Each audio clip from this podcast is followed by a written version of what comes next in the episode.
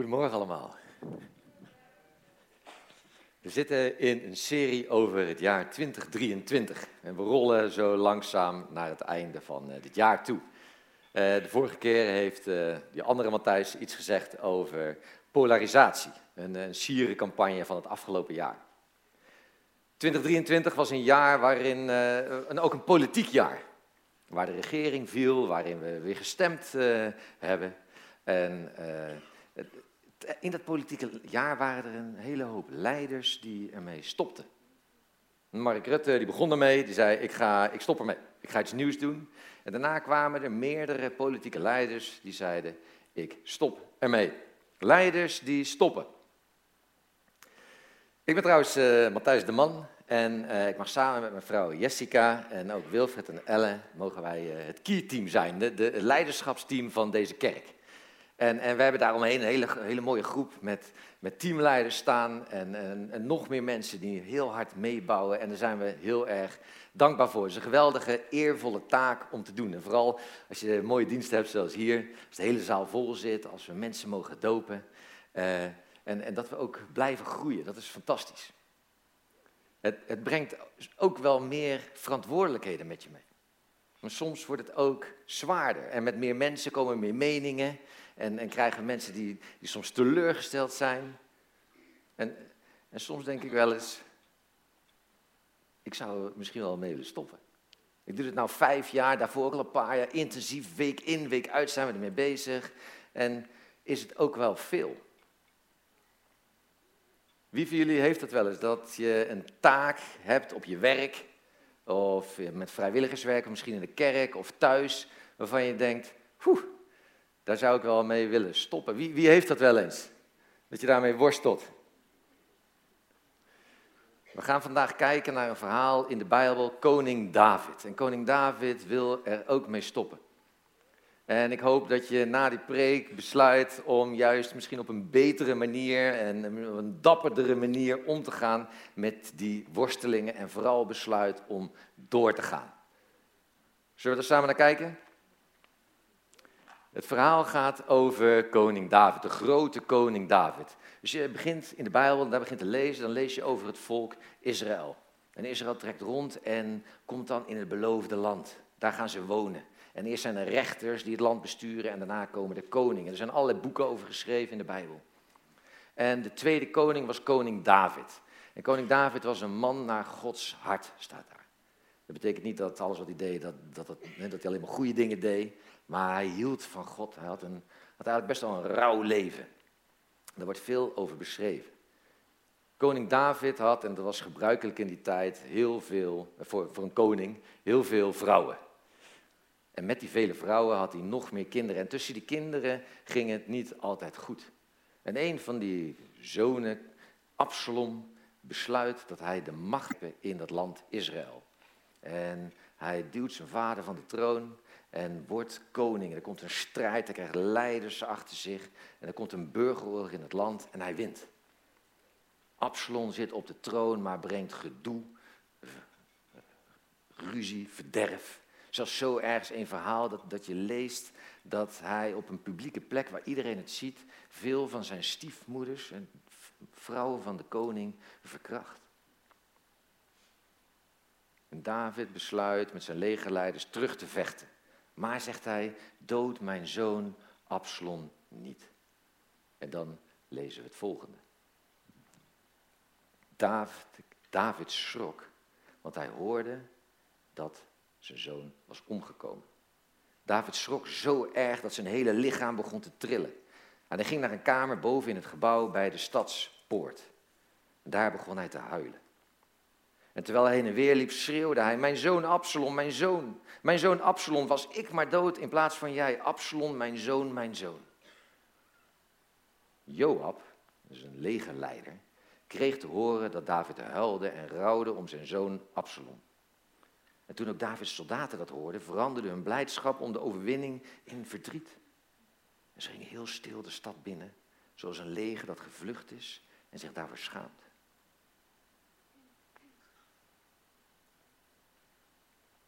David hield zijn handen voor zijn gezicht en schreeuwde, mijn zoon Absalom, Absalom, mijn zoon, mijn zoon. En toen kwam Joab de kamer binnen. En hij zei tegen David, vandaag hebben wij u en uw familie gered van de dood. Maar u geeft al uw soldaten het gevoel dat ze zich moeten schamen. U bent vriendelijker voor uw vijanden dan voor de mensen die van u houden. U laat vandaag zien dat uw legerleiders en soldaten voor u niet belangrijk zijn. Want ik weet zeker dat u liever Absalom levend terug had gezien dan ons. Kom, ga naar buiten. In een andere vertaling staat: ga naar de poort. En zeg tegen de soldaten dat u trots op hem bent. Anders blijft er vannacht niet één soldaat meer bij u. Dat is zo zeker als de Heere leeft. En dat zou het ergste zijn wat u in uw hele leven hebt meegemaakt. Ga terug naar de poort, is wat die legerleider zegt. Ga terug naar. Het is verrassend eigenlijk, hè? Dat hij terug moet gaan naar de poort. Wie heeft er hier een poort? Ja? Goed zo.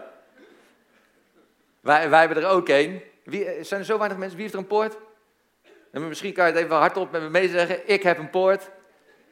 Ja, ik heb een poort.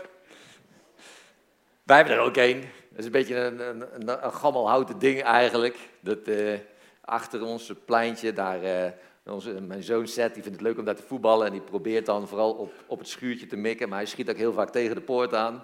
Dus dat ding, ja, hij zit er wel. Maar als je er een goede zet tegenaan zou geven, dan zou je zo bij ons uh, naar binnen kunnen.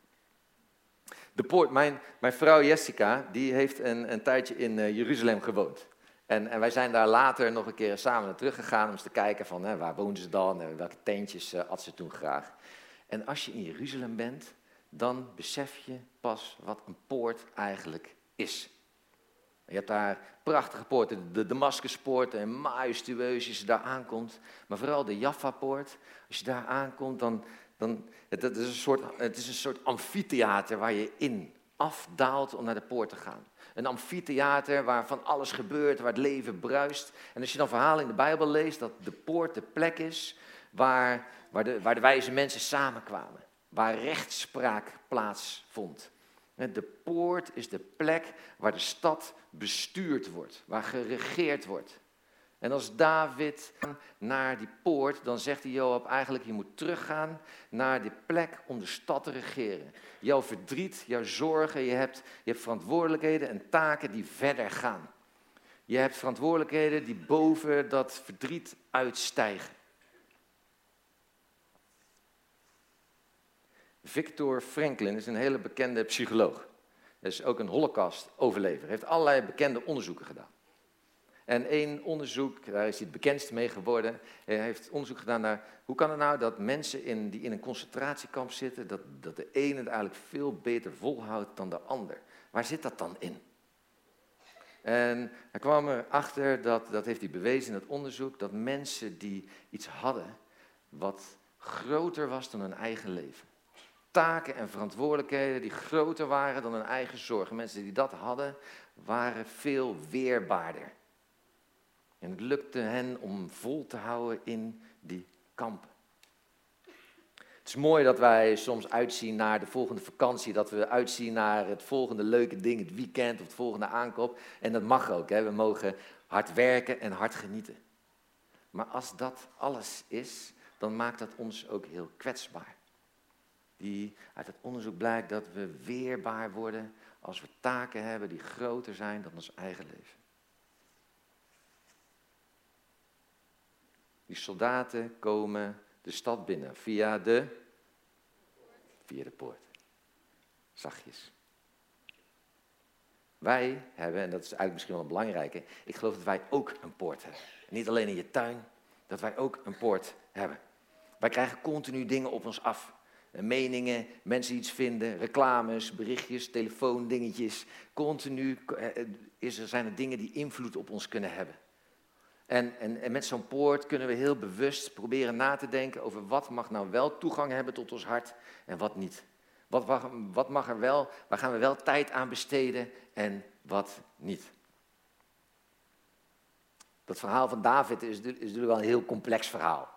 dat je in burgeroorlog bent met je eigen zoon. En ik denk in, ook in zulke omstandigheden is het verliezen van je kind een drama.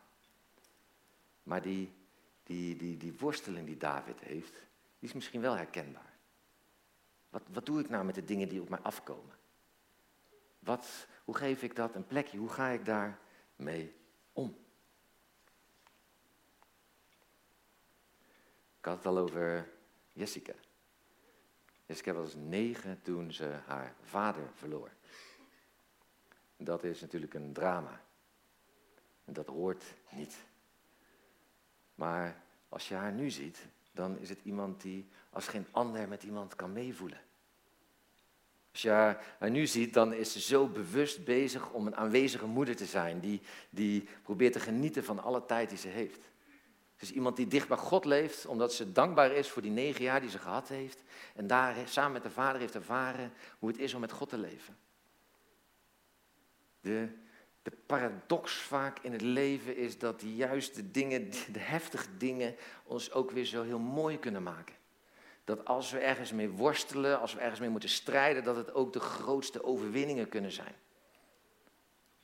Dat de ellende juist onze talenten kunnen vormen. Dus misschien heb je hier net vanochtend je hand opgestoken. Worstel je ergens mee dat je wil stoppen. En als je daarin zit, dan wil je dat niet.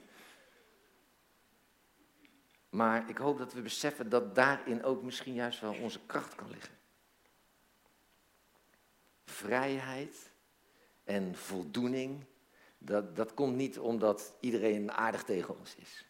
Vrijheid en voldoening komt niet omdat altijd alles maar lukt en geen moeite kost. Vrijheid en voldoening en ook weerbaarheid komt omdat we zoiets hebben als een poort. Iets hebben om over te besturen, om over te regeren. Iets wat verantwoordelijkheden die we hebben, die groter zijn dan onszelf.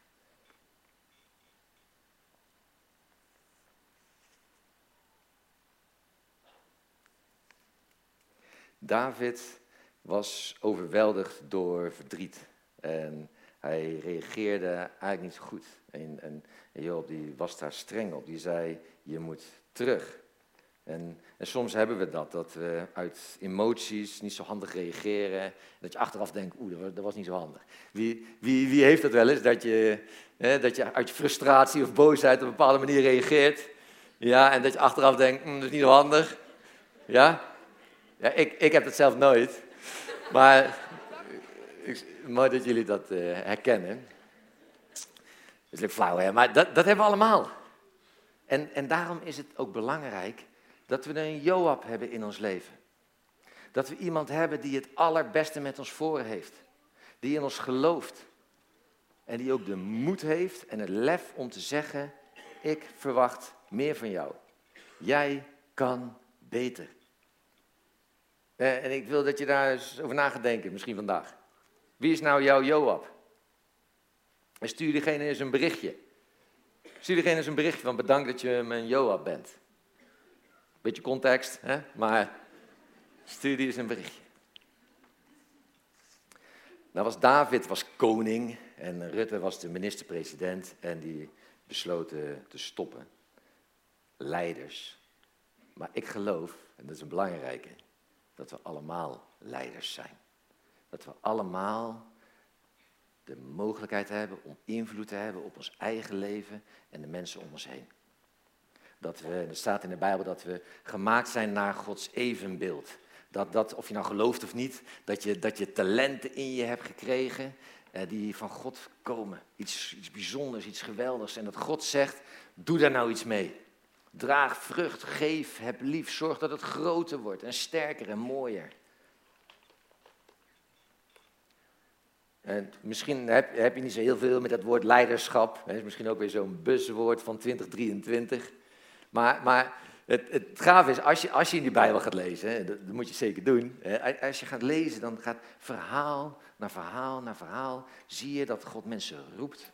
Dat God mensen inzet die daar helemaal niet zoveel gevoel mee hebben. Met dat leiderschap. Die weten dat ze de jongste zijn, de minste. Die weten dat ze een ongelukkige tijd achter de rug hebben gehad. Die het misschien zelfs helemaal niet willen. En God zegt, met mijn kracht mag je dit gaan doen. En in al die verhalen zie je dat mensen met de kracht van God tot geweldige dingen in staat zijn. We zijn geroepen om leiderschap te nemen over ons leven en van de levens van de mensen om ons heen. We zijn gemaakt om een poort te hebben waarover we regeren, waarover we mogen besturen. Een tijd geleden hadden we mensen op visite vanuit de Stadskerk bij ons thuis. En we gaan al heel lang terug met eh, die mensen. Nou vertelde een iemand dat hij eh, ernstig ziek was. Ernstig ziek. En het was een, een, een, een emotionele avond daardoor. En, en, mijn vrouw vroeg, ja, hoe, hoe voel je je nou bij? Hij zei, nou ja, ik, heb, ben net zo lekker bezig met, mijn, met mijn stichting, waarin ik zoveel mensen mag helpen. Waarin, waarin er zoveel gebeurt en ik zou dat nog zo graag groter willen laten worden. Nog meer mensen helpen. En ik, ik wil er graag zijn voor mijn vrouw. Ik wil er graag zijn voor mijn kinderen en kleinkinderen. En, en ik zou dan aan die en aan die willen vertellen hoe, hoe geweldig het is om in God te geloven. En, en ik hoorde dat zo aan en, en Jessica ook. En, en Jessica, ja maar hoe, zit het nou met jou dan? Wat, wat, voel, wat voel jij hier nou bij? Hij zei, ja nou, kijk met mij, met mij komt het wel goed.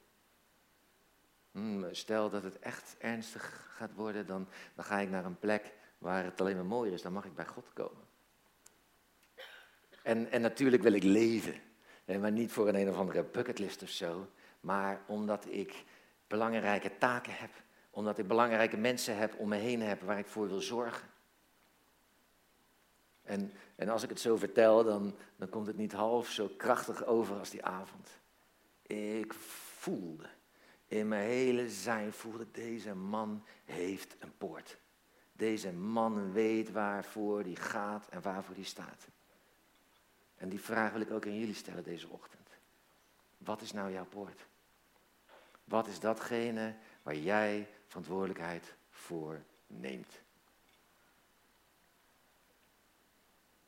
Ik aan het begin dat ik soms denk, ik stop ermee. En we hadden best wel mensen die dat ook al herkennen.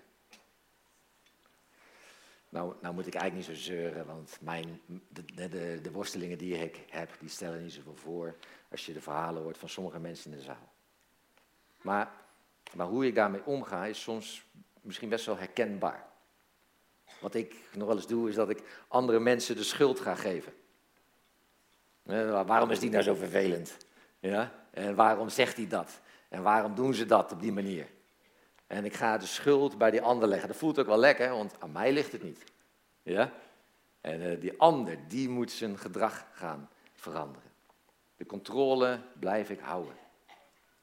Maar als ik op die manier na ga denken over wie is de schuldige, dan houdt het me ook weg van eerlijke communicatie. En ook juist misschien wel hele moeilijke communicatie. Dat ik zeg, je hebt me hiermee gekwetst.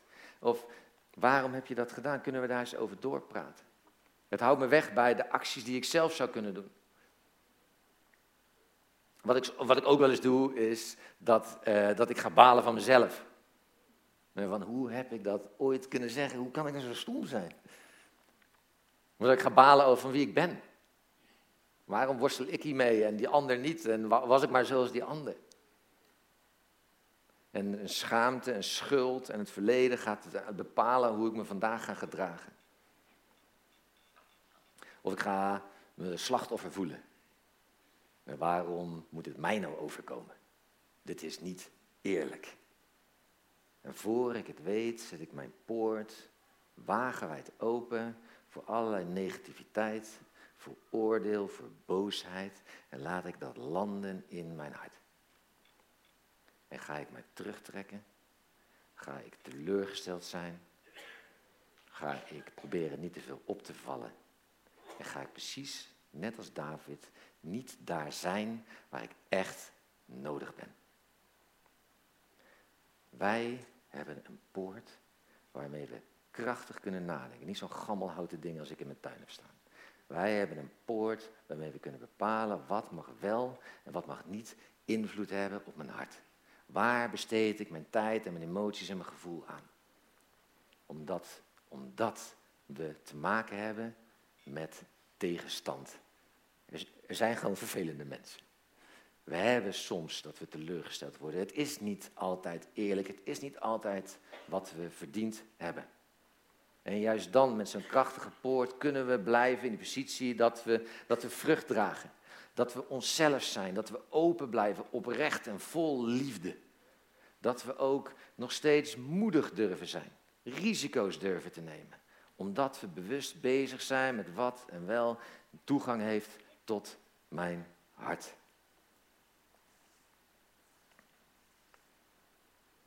De band mag uh, zo ook weer naar voren. Er is nog iemand in de Bijbel die het heeft over de poort. Als je verder leest, is er nog iemand die het heeft over een poort. En hij, hij zegt zelfs, ik ben de poort. Ik ben de poort.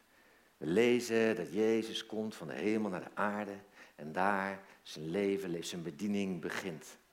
Als je kijkt naar het leven, je leeft hij een leven vol met moed en, en vol met liefde. En hij, hij heeft zoveel impact dat we het vandaag de dag nog bezingen. En Jezus zegt, ik ben de poort. Als je nadenkt over dat, hoe bestuur ik, hoe regeer ik en hoe kan ik bewust nadenken over wat wel of niet invloed mag hebben op mijn hart, dan zegt Jezus, kijk naar mij. Ik heb het voorgeleefd, ik heb het uitgeleefd, kijk naar mij. En als we dat doen, die, die strijd die we soms hebben, dan, dan willen we, hoeven we dat niet uit eigen kracht te doen, maar dan zegt God, ik wil je daar de kracht voor geven. Ik wil je daar de wijsheid voor geven en het inzicht en de, en de moed om op die manier het leven te leven. En Jezus was niet alleen de poort om het voor te levende, Jezus opende ook de poort. Jezus stierf aan het kruis, doodde hem, hij stond op uit de dood. En hij overwon het kwaad. Hij overwon het kwaad. En doordat Jezus dat deed, mogen we door wat Jezus gedaan heeft. En niet dat wij, wat wij doen, opende Jezus de poort en mogen we bij God binnenkomen in zijn diepste binnenste. Mogen we bij God binnenkomen in het allerheiligste. En als we dat doen, als we door die poort heen stappen, mogen we, staat er een nieuwe identiteit. Iemand die zegt, het leven met die poort, dat doe ik samen met God. En hoe bijzonder is het dat we dat ook vandaag mogen vieren met de doop. Waar je, waar je ook eigenlijk doorheen gaat. Je gaat, er, je gaat erin onder en je komt eruit en je zit er, je zit er helemaal onder. Je zegt zo mooi, ik doe dit samen met God. En we hebben vandaag vier dappere mensen die dat gaan doen. En eh, wat Wil zei, als je dat ook wil, kan je dadelijk tijdens het lied naar Esther gaan. Je zegt, dit is ook voor mij. Ik hoop dat als je van de week, als het tegen zit, eh, als er gedoe is, dat je terugdenkt aan deze ochtend. En dat je beseft, ik heb een poort. Dat je iets hebt om over te regeren, om, om, om verantwoordelijkheden te hebben die groter zijn dan jezelf. Om bewust na te denken wat wel en niet toegang mag hebben tot je hart. Zodat we een leven mogen leven met God Los van met wie we omgaan, los van in welke situatie we zitten, dat we een leven mogen leven wat krachtig is en wat moedig is, wat vol liefde is. Dat we op de plekken waar we komen het beter mogen achterlaten. Dat we leiderschap pakken over ons eigen leven en de levens om ons heen. Ik hoop dat we van de week zeggen en beseffen, ik heb een poort.